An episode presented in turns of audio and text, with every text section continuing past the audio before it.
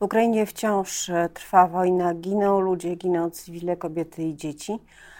Tymczasem e, Polska, jak donoszą media, poprzez sprzeciw wobec niektórych rozwiązań podatkowych Unii Europejskiej zablokowała pomoc dla Ukrainy w wysokości 18 miliardów euro, tę samą, e, którą, na którą zgodę Unia wymusiła na Wiktorze Orbanie kilka dni temu. To jest e, świeża informacja. Zobaczymy, jak się tutaj sytuacja będzie rozwijać. Tymczasem w Polsce trwa e, polityczna awantura, chciałoby się powiedzieć jak zwykle, ale chyba nie jak zwykle, bo jeszcze bardziej niż e, zwykle Sejm zacznie pracować nad zmianami w prawie, które mają doprowadzić do kompromisu z Unią Europejską. Czy to się uda?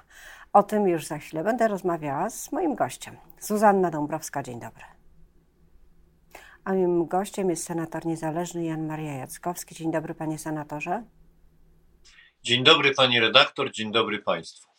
Rozpoczyna się dzisiaj praca nad e, projektem ustawy, która ma doprowadzić do porozumienia z Unią Europejską i odblokowania środków z Krajowego Planu Odbudowy.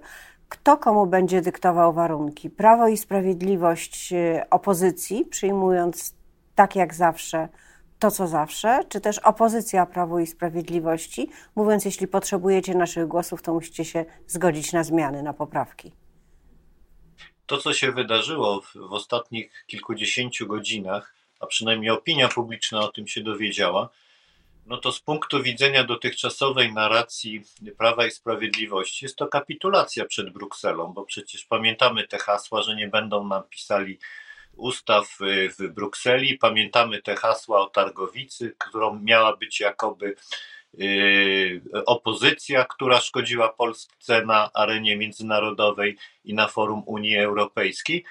I, I my będziemy suwerenni, będziemy samoistni, y, będziemy sprzeciwiali się federalizacji Unii Europejskiej, no i ta cały ciąg narracyjny, który był na użytek propagandy wewnętrznej używany, właściwie runął y, w, y, w posadach, dlatego że nagle się okazało, że minister odpowiedzialny za sprawy europejskie i polski rząd ustala jednak pod, no jak to może przeciwnicy rządu powiedzieć, zwłaszcza z prawicy, pod dyktando Brukseli ustala jakieś warunki, żeby zostały wypłacone te środki, o których notabene wcześniej sam rząd mówił, że w gruncie rzeczy one są niepotrzebne, choć wcześniej jeszcze mówił, że są bardzo potrzebne, ale później jak były z nim kłopoty, to mówił, że damy sobie radę bez tych pieniędzy. Więc tutaj y, widać te meandry tej narracji obozu rządzącego, i rzeczywiście w Pani pytaniu o to, jaki będzie kształt tej ustawy, czy opozycja będzie miała na nie wpływ, czy obóz rządzący,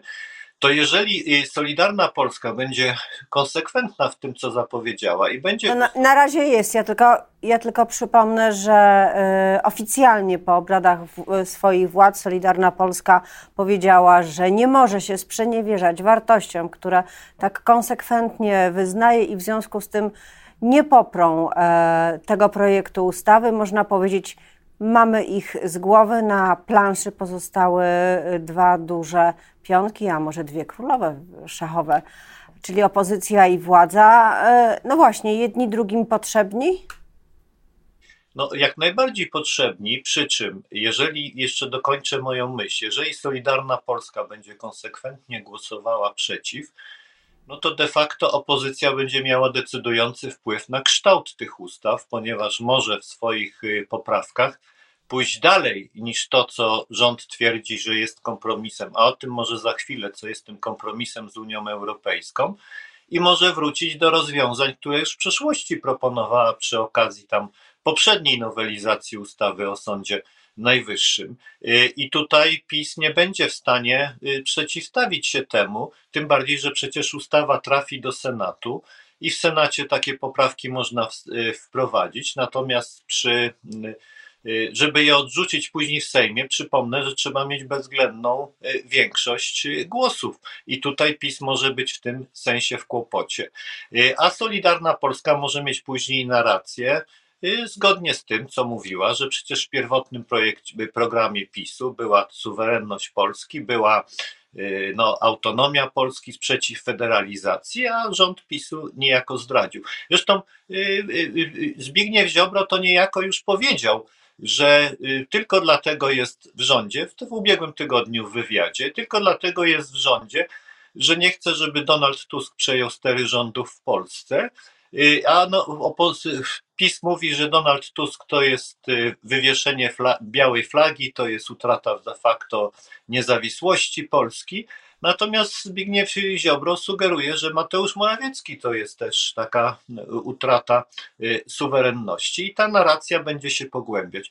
Także ta Gdzie ten kompromis?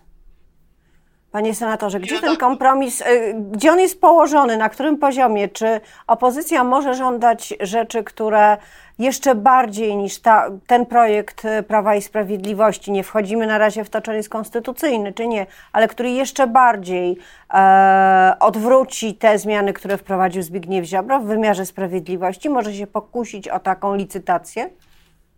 Może, oczywiście, że się może pokusić. Tym bardziej, bo tu pani na razie zawiesza kwestię konstytucyjności, tym bardziej, że pojawiły się argumenty w debacie u nas w parlamencie i w Sejmie i w Senacie, że niektóre rozwiązania proponowane w tej ustawie, którą, nad którą dzisiaj będzie procedował Sejm, no, są według bardzo wielu ekspertów i to poważnych ekspertów niekonstytucyjne i to będzie dawało argumenty yy, opozycji, która już zaczyna taką narrację, że nie wiadomo, czy po prostu sędziowie, e, przepraszam, e, komisarze Unii Europejskiej, czy sobie zdają sprawę, że to, co proponuje Warszawa i na co się zgodzili, jakoby w ramach tego kompromisu, że to jest e, niekonstytucyjne. Co więcej, może się pojawić również kwestia, co zrobi pan prezydent w stosunku do Y, ta, y, takich ustaw, dlatego że on też osobiście staje pod bardzo trudnym y, wyborem z tej prostej przyczyny, że przecież już raz zaproponował tak zwaną ustawę kompromisową, która notabene w Sejmie została zmieniona i która nie doprowadziła do kompromisu. I później były te spekulacje, czy pan prezydent został oszukany przez Unię e, Europejską, bo na jakieś rozwiązania się tam y, podobno uzgodniono, e, ale te rozwiązania okazały się niewystarczające. I jeszcze jedna, moim zdaniem, fundamentalna sprawa w tej kwestii, mianowicie. To były rozmowy z dwoma, z kilkoma komisarzami europejskimi. Wiemy z wypowiedzi rzecznik Komisji Europejskiej, że tak naprawdę komisja nie ocenia w tej chwili tych projektów y, ustaw, które są w Polsce oficjalnie, bo nie ma takiej procedury. Natomiast będzie oceniała, czy zostały wprowadzone kamienie milowe, do których rząd polski i, i rząd Mateusza Morawieckiego się zobowiązał. I dopiero jak polski rząd złoży wniosek do Komisji Europejskiej o wypłatę tych środków, oficjalny wniosek. Wtedy komisja mniej więcej około dwóch miesięcy będzie badała, czy wszystkie kamienie milowe zostały spełnione, a przypomnę, że dotyczą one nie tylko kwestii y, praworządności, ale również takich kwestii jak zmiana regulaminu Sejmu, ustawa wiatrakowa i też wielu innych tam jeszcze obszarów. Panie senatorze, czyli, czyli pachnie wiosną, najwcześniej. No naj, najwcześniej, oczywiście, i to każdy, kto y, zna te mechanizmy, to musi to potwierdzić. Przyjęcie tej ustawy przez polski parlament i nawet podpisanie jej przez prezydenta nie oznacza, że następnego dnia nastąpi wypłata środków. Y, ostrożni eksperci szacują, że to jest może być przełom marca i kwietnia. Co więcej, nie mamy gwarancji, że komisja uzna, że te, to, co zaproponował rząd, jest y, w pełni zadowalające komisję, I tutaj też mogą być spory się pojawić. Rząd będzie twierdził, że Właśnie, bo... ale negocjował z częścią komisarzy, nie z całą komisją. Panie senatorze, bo teraz Mateusz Morawiecki zasłania się jak tarczą Komisją Europejską, mówiąc, nie można zmienić ani przecinka, to jest wszystko uzgodnione, a Donald Tusk mówi złośliwie chyba dosyć, no już nie, nie padajcie na kolana przed tą e, Unią Europejską, możemy dokonywać zmian, bo jesteśmy suwerenni, więc się e, role odwróciły. Czy w tym wszystkim, w tym sporze i w tych negocjacjach, licytacji jest jeszcze miejsce dla Zbigniewa Ziobro, czy on przez ten sprzeciw się, jak mówią piłkarze, wyautował? Oczywiście, że jest bardzo duże pole do działania z dwóch przyczyn. Po pierwsze, Stanowisko Solidarnej Polski będzie miało kluczowe znaczenie co do kształtu tych ustaw. Tak jak powiedziałem, bo jeżeli konsekwentnie będzie głosował przeciw i swój sprzeciw, opozycja ma szansę przeprowadzenia tych ustaw na takich warunkach, na jakich ona uzna, że chce te, te zmiany przeprowadzić ponieważ y, będzie miała większość w stosunku do y, klubu PiSu bez, y, bez Solidarnej Polski. Po drugie, widać wyraźnie, że Zbigniew Ziobro otwiera sobie przestrzeń na przyszłość, przestrzeń polityczną, przygotowuje się do narracji. No, w skrócie taki, no, Prawo i Sprawiedliwość odeszło od swojego programu. Jedynym strażnikiem treści tego programu w zakresie tak ważnych y, pryncypiów, jak, jak, y, jakimi, jakim jest y, suwerenność, to jesteśmy my, czyli Solidarna Polska, a jest w Polsce całkiem spora grupa i ona się w tej chwili poszerza, która nazwijmy to jest częścią eurosceptyczną. I to niekoniecznie tylko na prawicy, ponieważ te wszystkie zarządzenia Unii dotyczące samochodów, wyrzucania ruchu z miast samochodowego, ograniczenia dla silników spalinowych, y, y, y, na siłę wprowadzenie elektryków, które są bardzo drogie, powoduje, i to jest tylko jeden z przykładów, powoduje, że coraz więcej osób w Polsce zaczyna widzieć, że Unia to jest, y, no, to nie jest tak, jak to jest malowane, tylko że to może oznaczać y, y, dla nich określone trudności życiowe i, i, i drożyznę. W związku z powyższym ta część eurosceptyczna, ona będzie rosła nie tylko ze względu na pryncypialne wartości, czy Unia Europejska opiera się na chrześcijańskich wartościach, czy jest im przeciwna. Różne tutaj mogą być głosy w tej sprawie i stanowiska są, ale również ze względów takich y, po prostu życiowych. I być może. Panie, panie senatorze, to jest oczywiście spór o pryncypia i mówi pan o tym, na co liczy Zbigniew Ziobro. Tylko pytanie, czy on liczy na to z punktu widzenia własnej formacji, czy on po prostu chce przejąć to, co zostanie po prawej stronie e, po tym, jak ewentualnie Jarosław Kaczyński odejdzie na polityczną emeryturę. Czy on gra o całość? Zdecydowanie to jest polityk, który jest zdecydowany grać o całość. Oczywiście w obecnych warunkach nie ma szans na stanie się przywódcą Prawa i Sprawiedliwości, e, ale jest stosunkowo młodym politykiem i ma trochę czasu a po drugie zdaje sobie doskonale sprawę, że nawet w elektoracie tym pisowskim, nie, już nie mówię Solidarnej Polski, ale nastroje eurosceptyczne są bardzo poważne.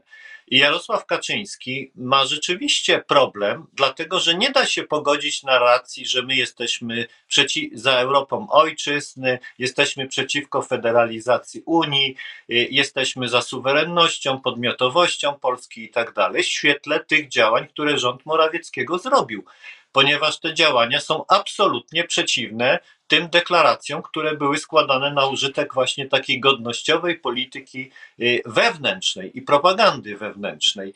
I z tego punktu widzenia tu jest problem, dlatego że albo otwiera się przestrzeń i widać wyraźnie, że Konfederacja zaczyna w tej chwili brać wiatr w żagle, no i pewne koniunktury też są dla y, środowiska Solidarnej Polski, bo to są w tej chwili dwie takie formacje, które no powiedzmy sobie, y, mają pewien dystans do y, Unii Europejskiej, y, które funkcjonują w życiu politycznym w Polsce. Panie senatorze, to... to otwiera się przestrzeń groźna dla PiSu, dlatego że PiS wtedy będzie od, od, od tej flanki elektoratowej będzie po prostu odcinany.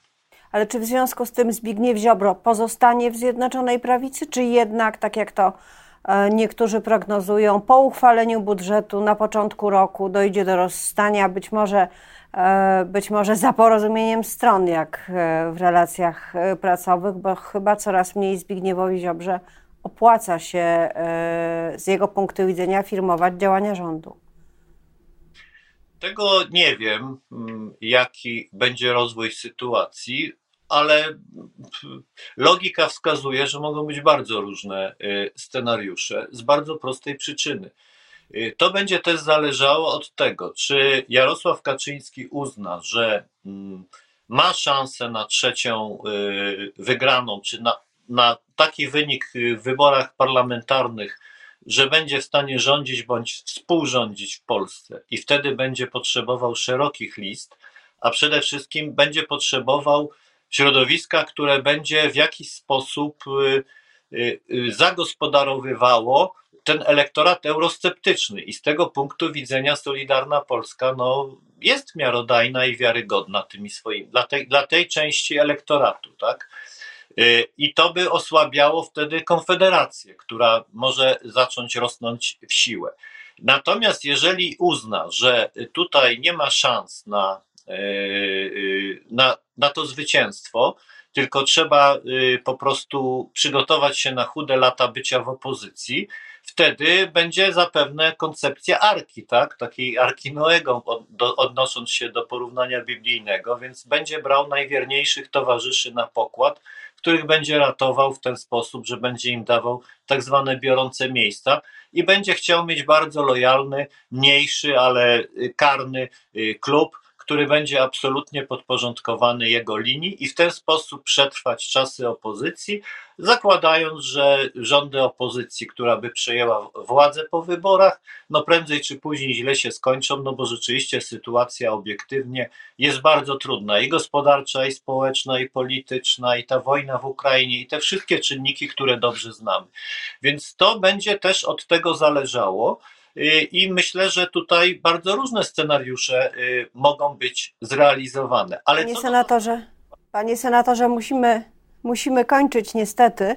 To ostatnie zdanie. Tylko jedno zdanie, jak pani pozwoli, że co do zasady, logika by wskazywała, żeby ten układ rządzący przetrwał jednak do wyborów, bo w tym jednak nadrzędny interes mają wszyscy uczestnicy y, tego obozu.